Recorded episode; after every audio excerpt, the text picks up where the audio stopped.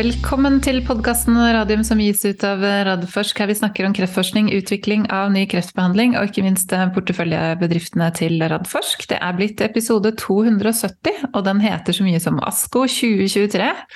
Det er 5. juni 2023, klokken er 18 norsk tid og 11 amerikansk tid. Velkommen, Jonas Einarsson, direkte fra Chicago. Takk skal du ha, Elisabeth. Jo da, vi er, vi er på plass. Og da må du fortelle hva du er på plass, eller jeg kan si hva du er på plass på. Det er ASKO-kongressen, altså American Society of Clinical Oncology, kortes ASKO, eh, som har sitt årlige møte. Og dette er vel verdens største kreftkonferanse, eller?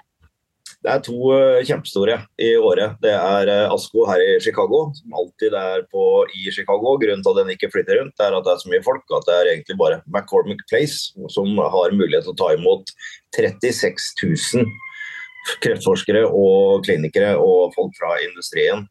Så Det er 36 000 som er til stede hver eneste dag. Det er noen møtesaler som er av en annen verden av eh, størrelse. Eh, det myldrer av folk. Det er en kjempestor utstillingshall, og du møter absolutt eh, alt mulig av, av det som kan gå i, i denne verden med, med, kreftforskning. Så dette er eh, årets store. Og så er det da i oktober i år, på, som er i Esmo. Den flytter rundt, er i Madrid i år. Og den også blir en veldig spennende konferanse. Mm. Så nå føler du at du er der du skal være, du? Ja, dette er gøy. Nå er det mange år siden jeg har, eh, har vært her. Pandemi og andre ting. Så dette, dette er ordentlig gøy. Det, det går fra ja, Forelesninger begynner klokka halv åtte om morgenen og varer til fem-seks eh, på ettermiddagen eh, hver, hver, hver, av disse dagene. og Det er så mye spennende å være med på, så mye spennende mennesker å møte. så Å føle at man er en del av, får lov til å være en del av dette miljøet, det er fantastisk spennende. Mm. Så bra. Vi skal komme tilbake til eh, de høydepunktene fra ASKO som du har fått med deg så langt. fordi jeg ringer deg jo midt i, midt i konferansen. Du skal jo egentlig ut på en, en maratondag eh, utover. Um, også, men før vi går på nyheter fra selskapene våre, for det har skjedd utrolig mye siden sist. Til dere som blir nå skuffa over ikke høre stemmene til Jon Amund Eriksen og Geir Hetland i Hubro Therapeutics, så trenger det ikke være det, fordi de kommer neste uke. Eh, og da skal vi til og med ha en dobbel eh, podkast, eh, og vi skal også ha en kliniske studier med, med Siri Kolle. Så det er mye bra i vente. Men um, selskapene våre, Jonas, her har det skjedd ting siden sist. Det er vel to uker siden. begynner med Sirkio, altså tidligere Torgovax. De skal ha selskapsoppdatering 15.6. 2023. Eh, er det litt sånn bare for å holde markedet oppdatert? Ja, jeg tror det.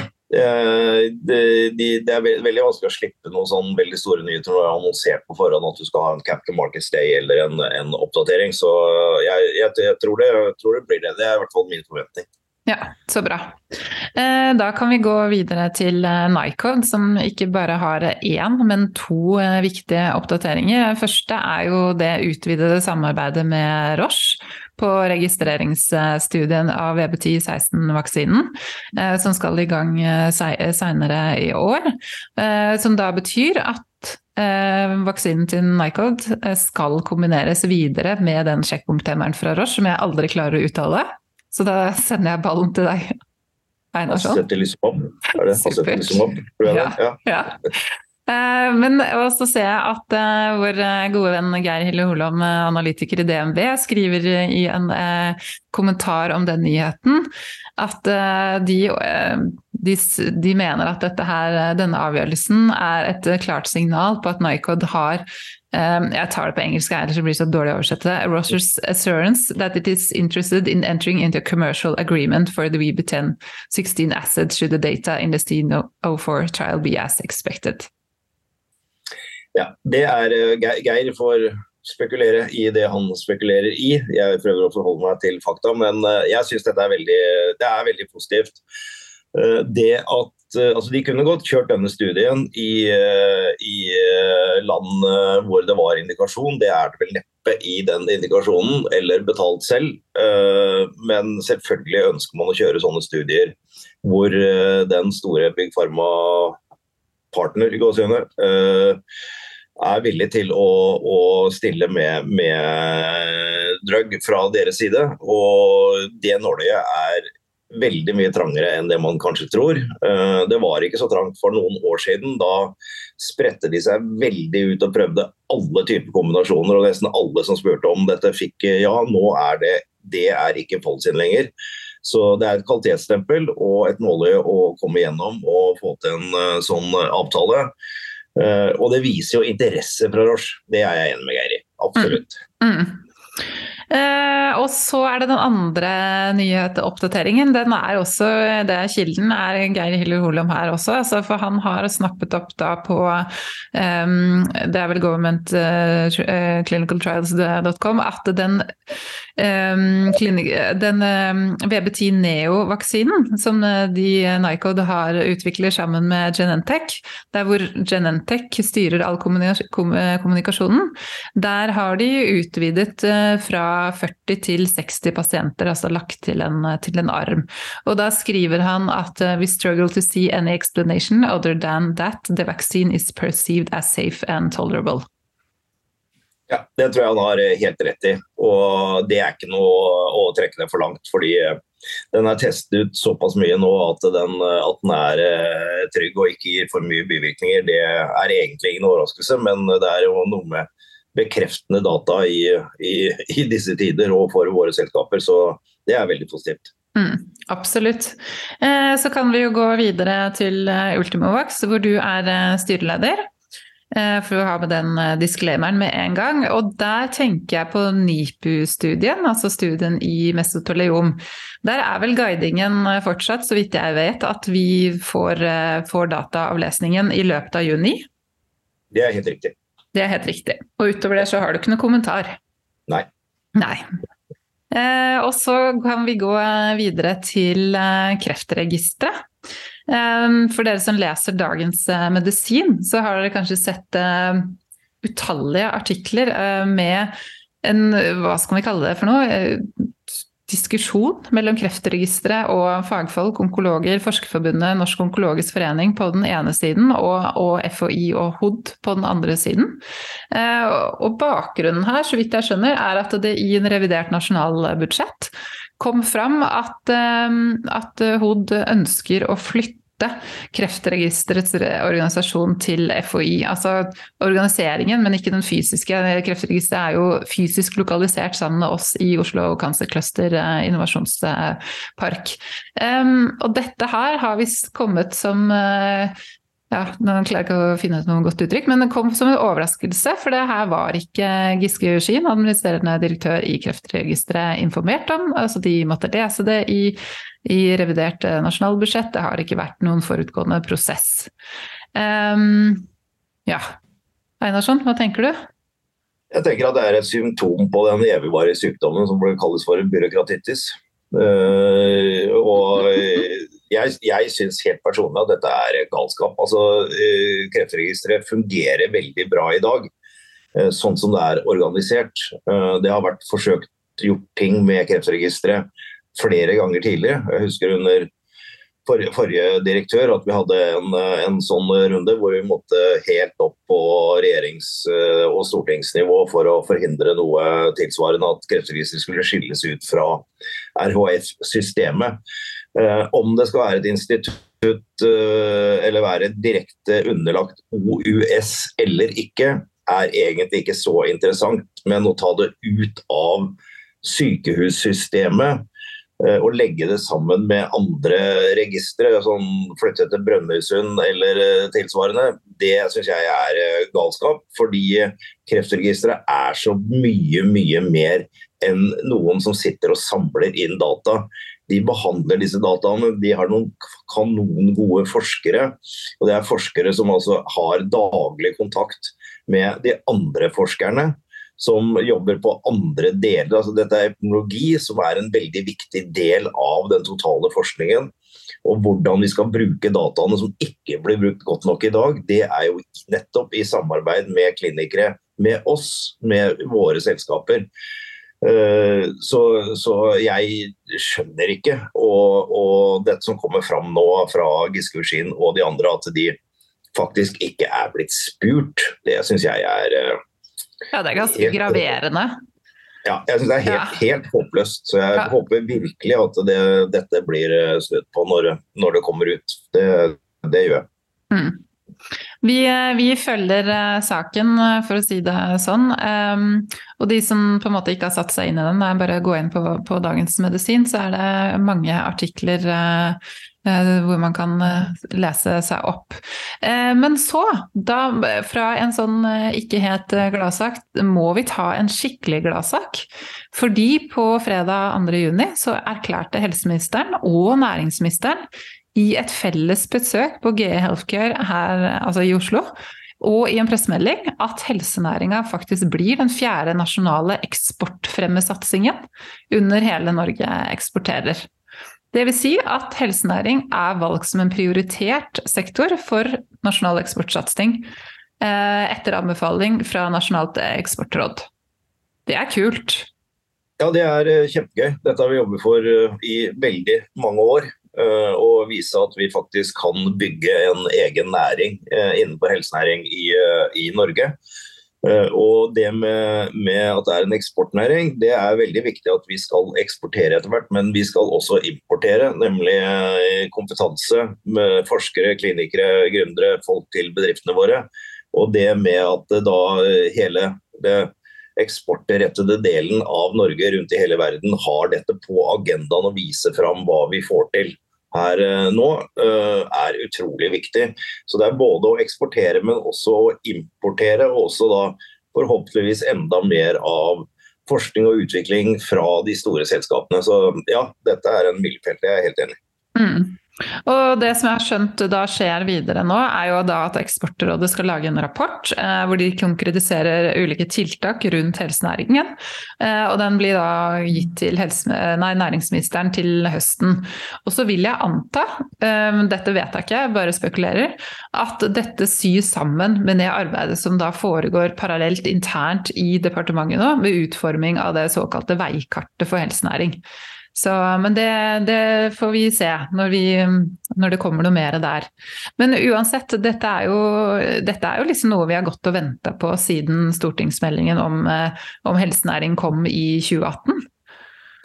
Du har, du har, helt rett i det, Elisabeth. og Jeg, jeg syns dette er veldig positivt. Og eh, jeg tror dette var helt nødvendig brikke i eh, dette veikartet til, eh, til Vestre. Så jeg, din spekulasjon holder jeg helt med i. Ja, det er godt. Men du, da går vi over til eh, Asko, og da er det slutt på eh, spekulasjonene. Da er det bare dataene som gjelder.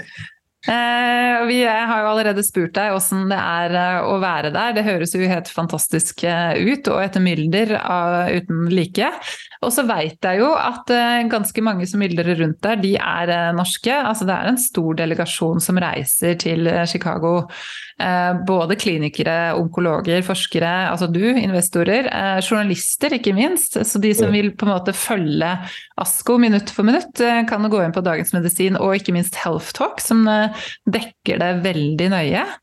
Men hvorfor tenker du det er så viktig å være fysisk til stede? Det er å møte folk. Det er alle de du bare bumper borti, sånn som jeg gjør. Men jeg har snakket med flere av uh, våre folk der som er fra selskapene våre uh, i går. Uh, og jeg spurte hvor mye de hadde fått med seg av disse sessionene som jeg går på, da, for å høre på nye ting og sånn. Og det var ikke så mye, fordi de er opptatt med møter hele mm. dagen. Alle er der, og du kan sette opp møter som du ellers måtte liksom bruke lang tid på, og det er mye logistikk. Men her, her er alle til stede, så de hadde tilbrakt nesten hele dagen i, i møter med mm. key opinion leaders, med big pharma-selskaper. Uh, så, så den, den, nettverksbyggingen for de som er i Spesielt for, for, for selskapene våre, men også for uh, forskerne og klinikerne våre. Uh, snakket senest med Steinar Omdal i, i går kveld, som er en tidligere guru innen klinisk eh, utvikling og studier i Norge, og nå rådgiver for eh, Ultimovax. Eh, og han strålte. Han hadde møtt så mye av sine kollegaer og kunne diskutere spennende ting. Så det er både alle de nyhetene som kommer, og ikke minst da disse diskusjonene og opplegget her på Asko er så veldig, veldig bra. Altså de, disse paneldebattene, interaksjonen med de som sitter i salen. og Det er, ikke, det er liksom ikke et, et hvilket som helst publikum. Det sitter noen tusen klinikere og forskere mm. i salen og høre på disse innleggene. Og så er det interaktivt med at vi kan stille spørsmål underveis uh, på, på, på, nettet, altså digitalt. Ja. Sånn at du får samlet uh, spørsmålene. Og også så er det veldig ofte at de som holder disse paneldebattene, stiller spørsmål til publikum. Og det er med, med case uh, Denne pasienten har fått denne behandlingen, hvordan ville dere ah, ja, ja, ja. ut ifra hva dere kan nå? Og så er det en poll på det, sånn type Kahoot-sak. Uh, det, er, uh, det, er, det er rett og slett kjempegøy. Mm. Det høres jo ekstremt eh, interaktivt ut, da. Ja. Ja, det er liksom ikke sånn at du bare kommer og sitter passivt og hører på noe, men du er, du er med. Mm. Nå sitter jeg og er veldig forsiktig med å gi avstemninger om hvordan man kan behandle pasienter, men uh, det er veldig morsomt å følge med på. Ja, Så bra. Um, da, da, tenker jeg vi kan gå over til litt eh, rundt trender. Har du liksom fått med deg hva som det er Altså hvor, hvor fokuset ligger nå innenfor den kliniske kreftforskninga? Hvis du kan uh, ja, tenke litt på det? Ja, jeg, tror jeg skal vri litt på det og si at uh, årets fokus mm -hmm. uh, er uh, forholdet mellom pasient og behandlere. Ja. Faktisk.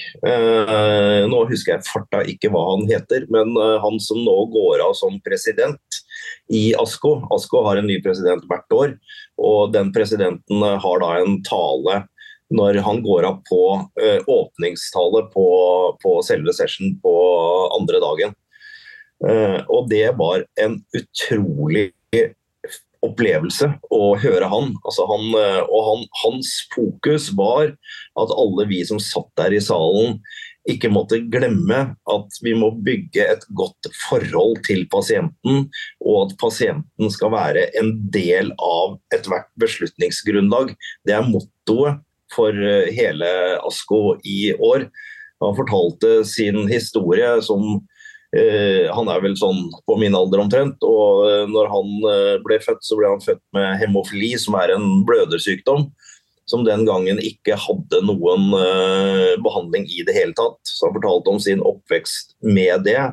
Og hvordan da den nye medisinen kom, hvor de bruker denne faktor 10, tror jeg det er, som blodoverføring for å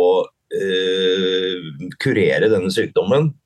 Og så han da, blir han da hiv-smittet av blodoverføring. Oi, eh, og forteller da sin historie som hiv-pasient, men som han kalte det selv, 'social accepted'.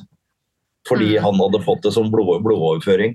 Og, og, sitt forhold da til å bli behandlet uh, gjennom dette her. Og samtidig gjør altså en karriere av en annen verden som uh, onkolog.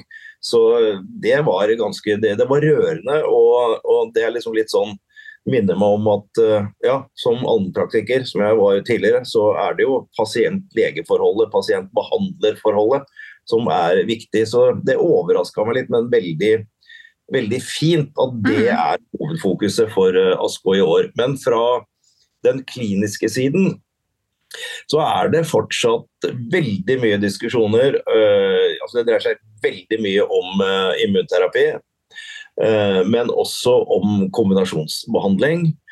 Og om man og hvordan man skal flytte behandlingen fra sistelinje, som det veldig ofte er, til en førstelinje og til adjuvant og neoadjuvant behandling. Altså Adjuvant betyr at hvis en pasient kan opereres, så opereres pasienten, og så får han behandling med en gang etterpå. I motsetning til at man som man har gjort tidligere, venter på et tilbakefall før man setter inn neste linje med behandling. Og neoadjuvant er enda lenger fremme. Det betyr at man får en behandling før man opereres, så opereres, og så får en adjuvant behandling etter det. Eh, og dette diskuteres veldig mye. Eh, det er veldig mye som sier at det skal vi gjøre mye mer av enn vi har gjort. Men samtidig så er det noe, en del som reiser liksom spørsmålet jo, men uh, den neoadjuvante behandlingen når du har en operasjon som du regner med kanskje kan kurere en del av pasientene, men noen ville fått tilbakefall, er den neoadjuvante behandlingen og har den mye bivirkninger ødelegger vi litt på quality of life for disse pasientene. Og disse avveiningene diskuteres det veldig mye. Det er, eh, det er liksom, alle er enige. Vi skal flytte til adjuvant og neadjuvant behandling, men hvor mye skal vi gjøre? Kan vi behandle med mindre doser enn det vi gjør i den mer siste fase som vi har behandlet tidligere, med Ipinivo f.eks.? Skal vi da bruke mindre doser, og hvordan virker det? Når man da gjør de kliniske studiene, så kan det ta opptil ti år. Fordi mm. da er det jo mye lenger til tilbakefall. Så det, det, er veldig mange spørsmål og veldig spennende diskusjoner, men det er stort sett i det området. Og så er det kombinasjonsbehandlingene med immunterapi, hvor man jo har hatt uh, relativt uh, dårlig uh, utfall med Eido og Lag og, og, og flere. Uh, Det diskuterer de veldig mye. Hvorfor uh, gikk de dårlig når de hadde så gode signaler i tidligfasestudier? Uh, og det som går igjen, er at vi ikke har gode nok biomarkører for å selektere de riktige pasientene. Mm. Når du gjør en svær fase 3-studie med immunterapi pluss noe, og det noe virker på noen pasienter, men ikke mange, så ender du opp med et dårlig resultat fordi det er såpass mange det ikke virker på, men som bare får den uh, effekten de får av, av, immunterapi. Og vi klarer ikke å selektere godt nok, så man leter nå veldig i subgrupper og ikke minst skrikende behov for å finne biomarkører. Uh, jeg sitter da i salen og tenker i mitt stille sinn at det hadde vært veldig fint å ha et target som ikke trenger seleksjon, men er uh, til stede for alle typer pasienter, og det er det jo telomerase som kan være et eksempel på. sånn by the way, som styre, styre, styreleder i et, eh, i et herværende selskap. Ja, nei, men det, kan det ha det for seg. Ja, absolutt. Det, det, er It's all in the data, og nå får vi jo kanskje dataen snart. Nei, men det, det er spennende. Men, men sånn på mer sånn eh, altså målrettet targeted eh, therapies, er det noe gjennombrudd der, eller? Det eneste sånn ordentlig store gjennombruddet som uh, har kommet uh, altså det, det, er flere, altså det, det, er veldig mye. Men det, det virkelig store det er denne Indigo-studien. Som er uh, en studie med et legemiddel som heter Vorasidenib. som er en ja, litt Dette blir litt sånn klinisk, men det er en, det som kalles for IDH1 og IDH2-mutasjoner eh, i eh, noen typer av hjernekreft. Det er, det er, i gliomklassen, men det er ikke glioblastom som er denne veldig dødelige. Det er det astrocytom og en til, som er en tidligere fase som, heter, som blir sånn lavgrad, lavgradig, men dødelig. Men tar mm. lengre tid. Eh, og Der har det ikke vært et gjennombrudd. Egentlig aldri. Eh, men Indigo-studien den er eh, veldig imponerende. Og for disse tidlige, eller disse lavgradige hjernetumorene. og ble da møtt med nesten stående applaus i går på, på den store plenary session. og som helt klart er game changer og, og, en ny standard of care for, for disse, disse, grusomme hjernesvulstene, mm. som dessverre rammer veldig mye yngre mennesker. Så mm. det, er liksom, den, det, det, er ikke en kur på ingen måte, men det er helt tydelig at den uh, gir en mye bedre og lengre uh, overlevelse. Så det, er, det, var det mest uh, spennende på dette her, egentlig. Mm. Og den andre som, som, var Det var fire sånne late breaking på den store plenary session i går. Uh, to av de var liksom, som ikke fører til direkte klinisk annerledes, og det er for så vidt ikke den tredje heller, men Audara-studien i ikke småcellet lungekreft, stadium 1 BT3A, for de, nå blir jeg veldig teknisk, men de som har lyst til å sjekke det, det er de pasientene som har det som kalles for en EGFR-mutasjon. Og Der har man brukt et legemiddel som heter osimetinib, eller Tagrisso. og Det har vært brukt og brukes, så vidt jeg vet, i Norge også i dag. etter denne Audera-studien som hadde en interimanalyse for jeg tror det er to år siden, som viste veldig gode data på progression free survival, altså tid til tilbakefall. Mm. Uh, og det da, men det man da alltid sier når man får disse PFS-dataene, er ja vel, men viser det seg også i overall survival, som tar lengre tid. Og Det var overall survival-dataene som ble levert i går, og de var imponerende. Så det bekrefter at Tagrisso er kommet for å bli som en, uh, som en standardbehandling for, eh, for, disse lungekreftpasientene. Og sagt med Åshild Helland eh, i går. Åslaug. Åslaug, sorry. sorry. Det går bra. Ja. Og hun syns dette var veldig bra og, og, bekreftende for den type behandling. Så det er liksom de, de store nyhetene som er, er kommet i år. Mm. Det, men eh, holdt på å si, vi har jo norsk eh, forskning også da, på akkurat lunge. For jeg har lest i, i Dagens Medisin at NTNU-professoren Bjørn Henning Grønberg han kommer med noen eh, overlevelsesdata som er ganske utrolige, der hvor de har brukt strålebehandling, og så har de strålt to ganger om dagen med høy, høydosestråling, hvis jeg husker riktig. Um, og da har de 42% flere i live etter fem uh, år. Og det er da småcellet uh, lungekreft. Mm. Så det er ja, viktig norsk forskning. Det er viktig norsk forskning og, og et, et viktig, viktig, bidrag. Og så har vi en annen norsk kirurg som heter Stein Larsen Mm. på Radiumhospitalet, som eh, er eh, spesielt interessert i kolorektalkreft.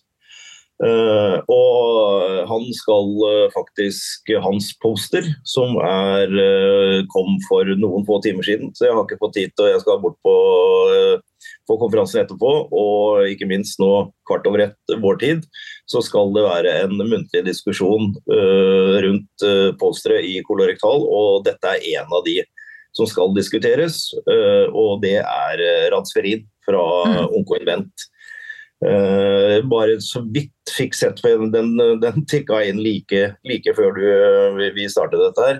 Jeg har bare sett overskriftene, men uh, at det var god safety og god biodistribusjon som var utrolig viktig for dette medikamentet, det hadde vi egentlig forventet, fordi det har vi, har vi sett at det er sånn, men det er da bekreftet. Og så ser det ut som det er noen spennende tegn på kliniske effekter. Men uh, det må jeg få lov til å høre Absolutt. først og diskutere med han og Øyvind Bruland som uh, også er her. Og så kan jeg ta litt mer oppsummering på det når vi snakker med Jon Amund i Hubro neste uke. Ja, ja, nei, men det, det, må du gjøre. Fordi det, det, som jo, som jeg også har skjønt er greia med ASKO, er jo at det er jo ikke alt som slippes før man er på konferansen. Sånn at uh, disse abstraktene kommer jo, men så kan de plutselig komme sånn som det du sier, da. At uh, denne her nå fra Onkonvent og, og Stein Larsen. Um, er det noen andre av de som har liksom dukket opp, som du har uh, fått med deg? Nei, ikke foreløpig. Nå har uh, vært jeg er sammen med, heldigvis sammen med min gode venn og kollega Anders Tuv. Uh, og han har uh, fått jobben med å tråle postersesjonene. Så vi får, vi får, oppsummere litt på flyplassen og flyet i kveld og i natt. Og så jeg, uh, skal jeg heller komme tilbake til det. Ja, ja men det høres bra Men har du klart å huske tilbake når du var her sist? Nei, Jeg tror det må være Jeg var ikke her i fjor, så da er det pre-pandemisk. Så 2019 må være siste gang jeg var her. Er det, er det, noe som er annerledes, eller er det, er det liksom eh, Er det det samme? Organiseringen og måten sesjonene gjennomføres på er eh, blitt eh, enda bedre. Det var, var supert tidligere, men det, det, er faktisk blitt enda bedre. Så er, det er altså 36 000 mennesker, og du skal ha logistikken og du skal få dette til å flyte. Det er, det er imponerende. altså. Mm.